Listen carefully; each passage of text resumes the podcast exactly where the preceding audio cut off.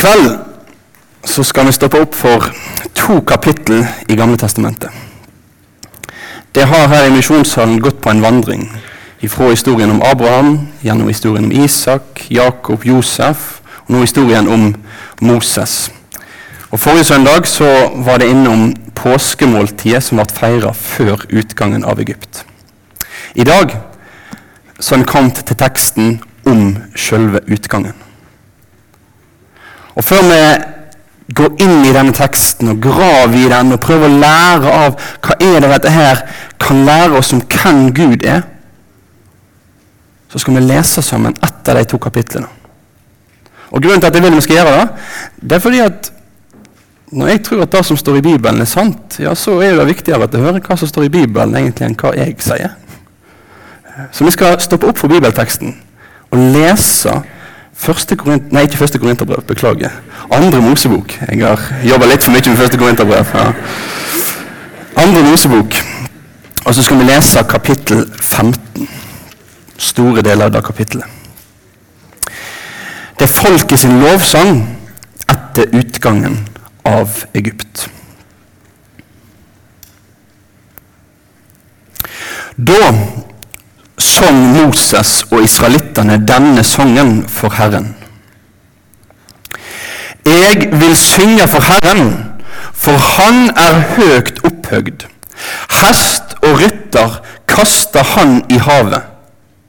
Herren er min kraft og min styrke. Han har blitt min frelse.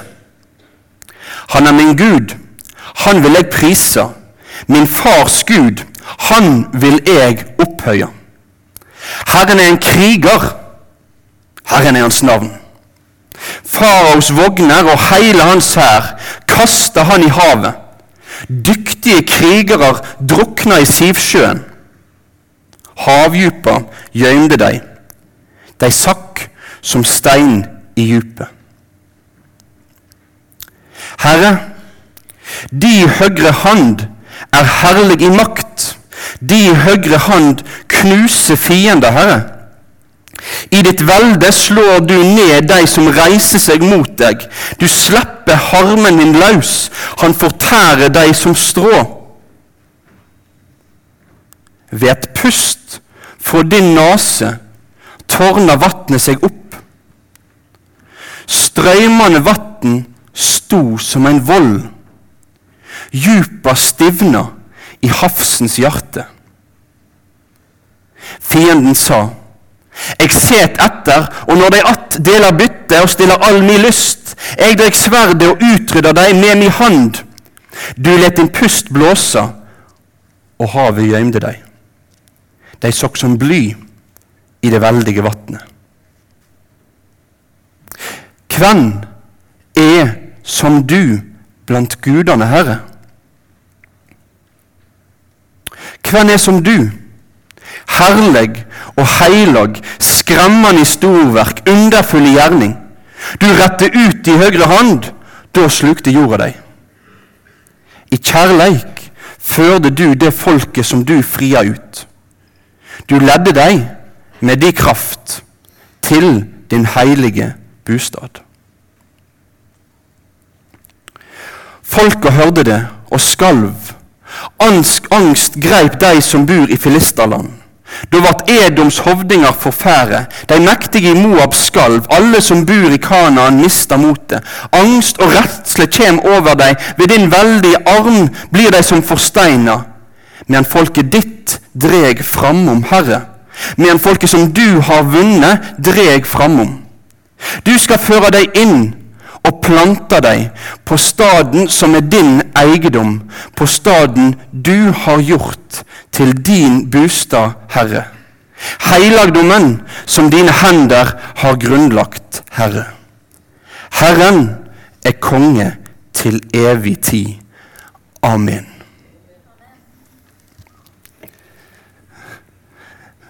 Det er kraftige greier, dette her. Når vi leser denne teksten, og når vi hører denne teksten, så forstår vi at den Gud vi har i gjøre i Bibelen, han er ingen kosebamsegud. Han er ingen liten Gud. Han er ingen avmektig Gud. Han er den mektige. Og Han blir beskrevet her på en måte som kanskje egentlig vi ikke er så veldig vant med å snakke om Gud. Nemlig at Gud, han er krigerkongen. Han er krigerkongen. Men før vi kommer til hva det har å si, og hva det har å bety for meg i mitt liv at jeg tror på en Gud som Bibelen forteller meg at er en kriger, og som er konge, og som når han puster med nesa si, så bygger vannet seg opp, og når han puster på nytt, så, så fer sjøen og blir blank igjen. Hva det har å si for meg i mitt liv før jeg kommer til det, så skal vi stoppe opp for to punkt. For jeg vil ta dere med på den forhistorien som har ledet fram til denne lovsangen. I kapittelet før så kan vi lese om at israelsfolket vandrer ut av Egypt. Hele folket har Gud fridd ut. De får med seg store bytte ifra egypterne, for de lemper på de gull og sølv og det ene og det andre. De vil bare ha de på dør. Kom dere vekk! Og Israelittene begynner å vandre utover. Og Hvis du var i Egypt, og du skulle østover og du skulle etter hvert nordover, så var det én vei. Det var én vei som var den gode veien å gå, og det var kystveien. Langs kysten var det en fin vei, men der holdt filisterne til. Og Kapittel 14 begynner med å fortelle oss at, at Gud han ser da at hvis israelsfolket hadde gått på veien til filisterne, da kunne de ha snudd om og vendt tilbake til Egypt. Så han vil ikke føre dem den veien. Han fører dem en annen vei. Og Så leser vi i neste versene om at han fører dem til ene og andre plassen. Og, og For oss er det mer en haug ulike stedsnavn. Vi er ikke så godt kjent i lokalgeografien. og For å være helt ærlig så, så er det sånn at forskere de graver ganske mye i hodebunnen sin for å prøve helt å finne ut akkurat hvor det er. Men det er ikke hovedsaken nå.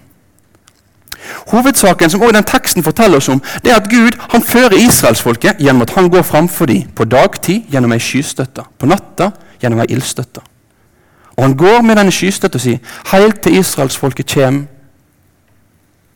til Sivsjøen. Er et hav. Og så sier han til dem slå leir. Slå leir her. Farao og hans menn de får med seg dette her.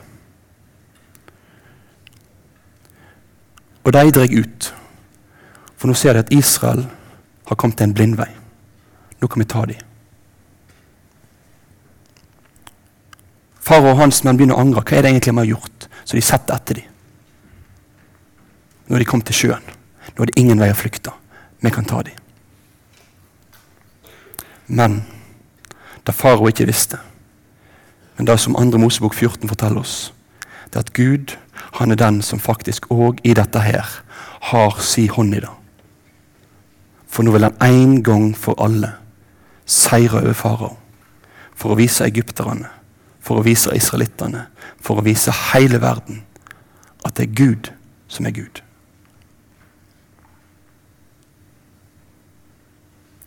Men tenk deg å være en israelitt. Det er ikke gått mange dagene siden du hadde smurt blod på døra di. Du hadde opplevd at du hadde blitt spart. Du hadde fått reist ut fra Egypt i en fest uten like, lessa ned av gull og sølv. Og så kommer du til en sjø.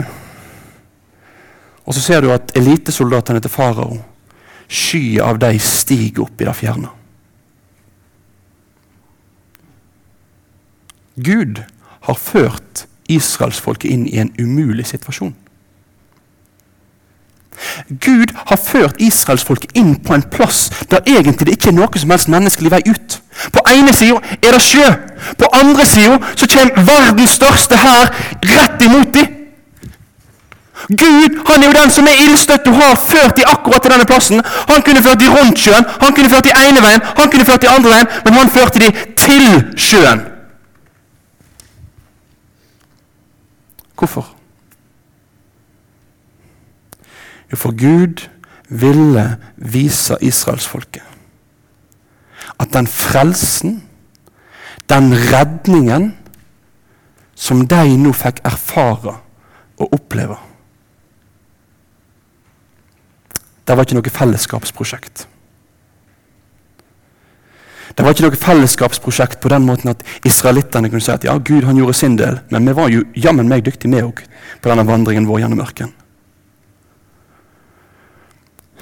Gud vil gjøre det helt og klart tydelig for israelittene at han frelser, og at han alene frelser. Og I denne fortvilte situasjonen så sier Gud noe til israelsfolket i kapittel 14 og vers 13 og 14. Moses sier til dem Vær ikke redd. Stå fast. Så skal de få se at Herren frelser dykk i dag. For slik det ser egypterne i dag, skal det aldri mer se dem. Herren skal stride for dykk, og det skal være stille. Herren skal stride for dere, og det skal være stille. Så skjer det at Moses løfter armen, og Gud deler Sivsjøen. Eller Rødehavet, alt etter hva du kaller det.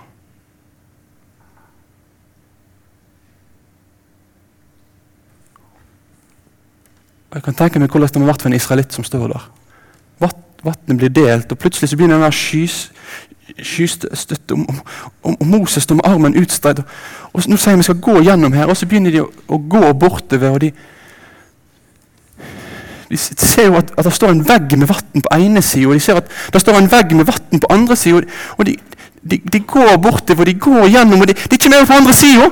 De har gått over en sjø, en sjø som de ikke i utgangspunktet kunne gå over. Nå har de fått blitt frakta gjennom den helt på, på, mirakuløst vis, på overnaturlig vis, for det er den overnaturlige de har med å gjøre.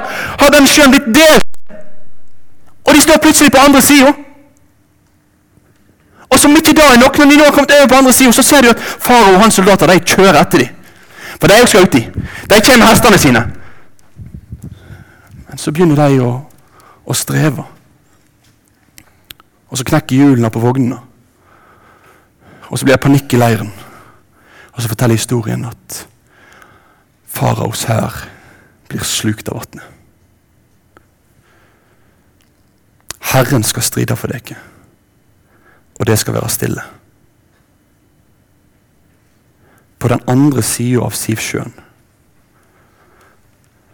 da folket som i kapittel 15 sang sin lovsang der står det ikke et folk som sier Se hvor flink vi har vært! Gikk den veien vi skulle gå. Takk til oss for at vi har kommet oss fram. Den sangen vi leste i kapittel 15, det er en sang om Herren. Herren, Herren. Det er Herren som er krigeren. Det er Herren som er hans navn. Det er Han som har ført oss ut. Det er Hans pust. Det er Han som er kongen. Det, det, det, det er Gud og Gud alene. Og dette her, det er Bibelens budskap om frelse i et nøtteskall. Israel i Gamle Testamentet var tilskuere til sin frelse. Det var ikke de som gjorde det. De fikk ta imot det. De fikk si takk og gå i det. Og I Det nye testamentet så får vi lese om hvordan den store frelsen, den endelige frelsen, den evige frelsen, er den som Jesus kommer. Og han, 2000 år før din fødsel, strekte ut sine hender på et kors og sa nå har jeg gjort mitt, nå får du gjøre ditt. Nei. Det var en som strekte ut sine hender på korset og sa det er fullført. Alt er gjort. Jeg har gjort det.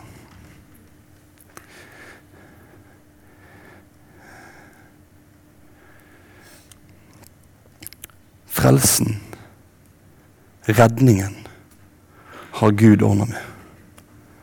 Alt er gjort. Alt er ferdig. og så blir det gitt meg. Det er det å være en kristen. Det er å være mottaker av Guds nåde. Å være en kristen er å være en som kan få si til Jesus takk for at du har gjort det som måtte gjøres for å redde meg.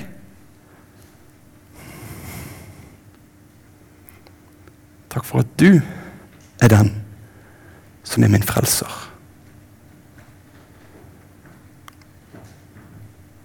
Det er en passiv frelse.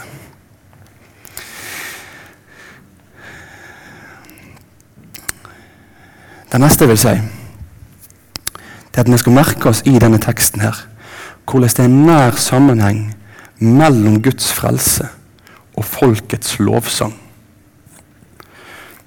For selv om folket var passive mottakere av Guds fullkomne frelsesverk, så er folket de òg som får respondere og takke Gud når de får ta imot det som Han har gjort for dem.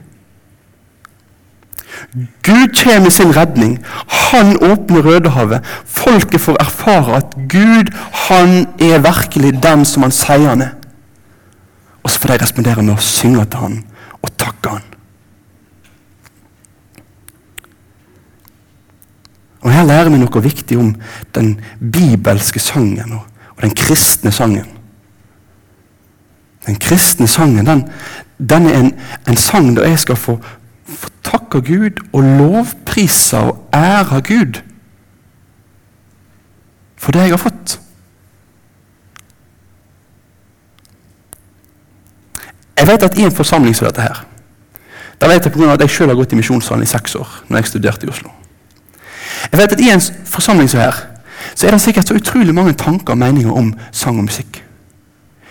Og hvis du, hvis du, skal ha litt om diskusjon, så kan du bare kaste ut et eller annet om sang og musikk. Så er du sikker på at det er noen som tjente å bite på, og så blir det en heftig diskusjon. Men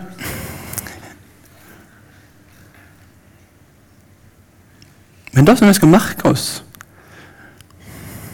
Uansett hvordan du tenker om ulike ting, merk deg hvordan det er en nær sammenheng mellom å få høre det Jesus har gjort for meg, og da få synge en takkesang til Jesus for det han har gjort for meg. Eller en lovprisingssang.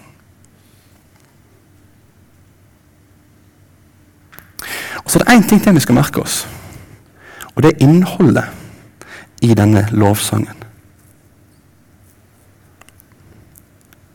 Hva er det Guds folk synger om?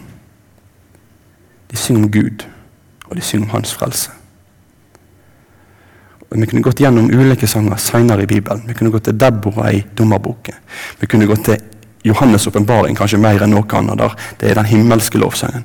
Og Så kan vi se hvordan hele veien så er pulsslaget i sangen. Det er Guds frelse. Og det er den Gud er.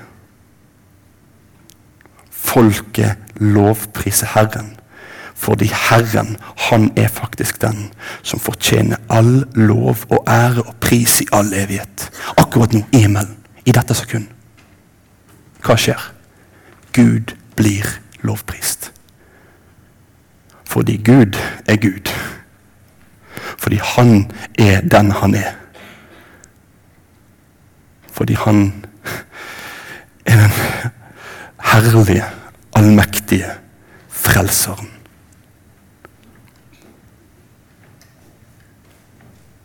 Så for oss òg, når vi synger La oss få være fokusert på hva vi synger om. La oss få ha vår, vår kjerne i hva er det egentlig som, som er pulsslag i det vi synger. Og la Jesus og hans frelsesverk være det som liksom slår gjennom hele veien. Og Så skal han få være opptatt av formspørsmål og ulike ting. Han skal få ha sine tanker, sine diskusjoner, sine meninger om det. Men det vi trenger, det er å samles om et budskap. Et budskap om Jesus. Da er det avgjørende. så er, er Misjonssalen en privilegert forsamling med at her er det mange dyktige musikere som kan få være med og arrangere og legge til rette for at sangen kan stige opp. Sånn som vi får her i kveld òg. Men så vil jeg si én ting. Nå skal jeg slutte å pirke borti det, men jeg skal snart gå videre til siste punkt. Men én siste ting. Likevel så vil jeg si at arrangering av sanger ikke er det viktigste. Det viktigste er innholdet. Vi skal ikke sette dem opp mot hverandre, at enten er det det ene eller det andre. Men vi prøver begge deler. Men, men, hvis du presser meg inn i et hjørne og sier 'Ingvold', hva er det du tenker aller viktigst? Så vil jeg si at ja, budskapet er nummer én.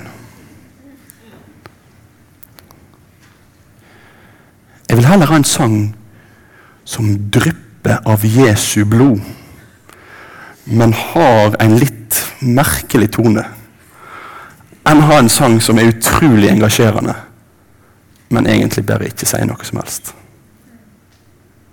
For stemning forsvinner. Jesu blod, det holder.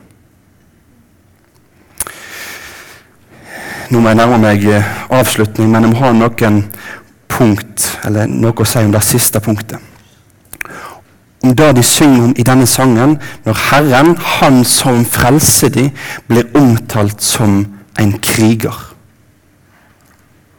Herren er en kriger. La oss med i 2. Mosebok 15, vers 3.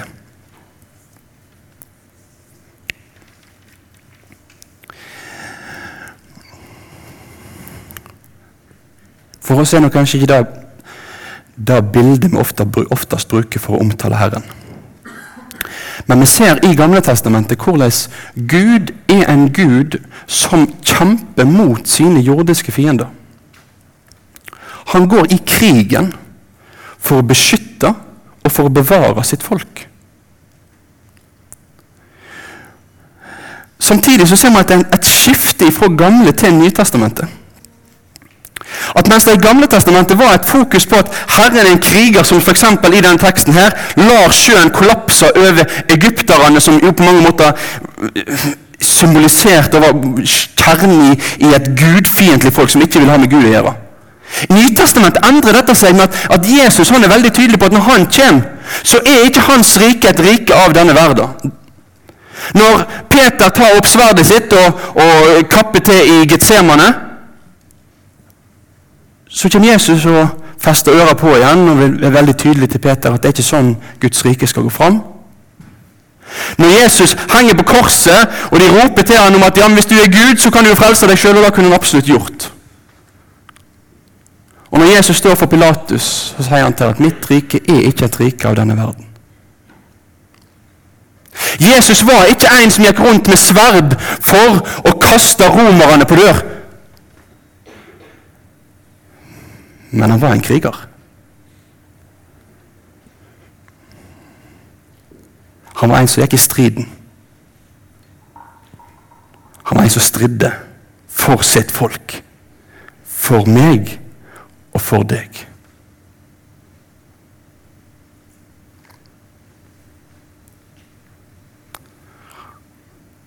Han gikk i striden med djevelen. Hele hans ånde her. Han gikk i striden som førte han til døden. Døden på et kors.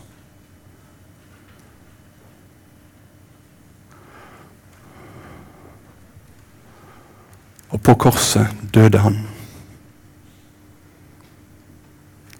Og andre, Kolosserbrevet 2 forteller oss at når Jesus dør på korset, så vinner han. Han vinner en seier for sitt folk. Den seieren består for det første i at skyldbrevet, lista over alt det hans folk hadde gjort, det sletta han ut. Det gjorde han opp for. Det hang han opp på korset. Han seira over vår synd.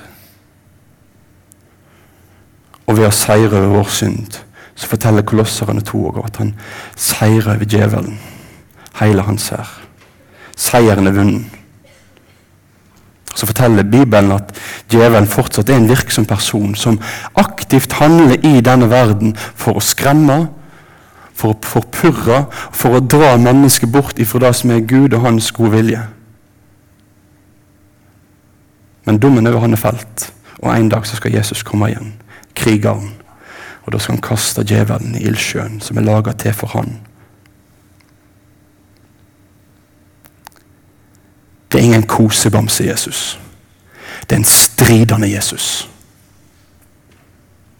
Den stridende Jesus som seirer over de fiendene som jeg som et menneske aldri sjøl kan seire over. Israelittene var i en hjelpeløs posisjon. De trengte hjelp. Uten at Gud streit for dem, så hadde de ikke kunnet vinne. Og like hjelpeløs som israelittene var overfor sin fiende, er jeg overfor mine fiender. Like hjelpeløs er egentlig jeg overfor djevelen. Overfor synda mi. Og overfor døden.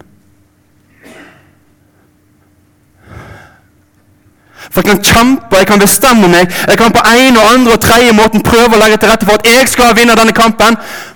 Men jeg har det ikke i meg.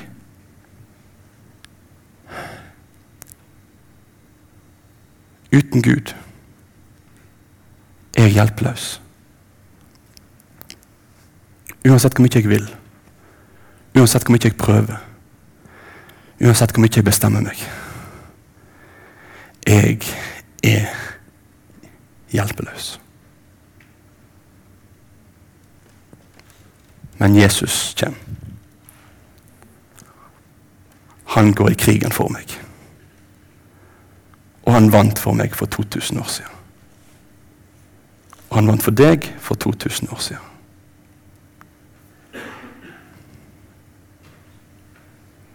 Og Jesus seirer over døden. Han sto opp igjen. Vi akkurat feira påske.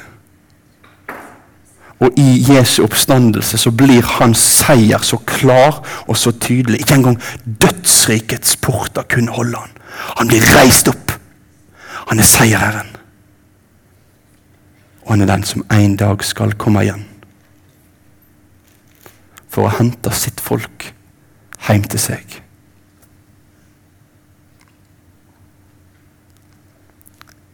Gud er en mektig krigerkonge som jeg skal få tilhøre, og som jeg skal få være trygg hos.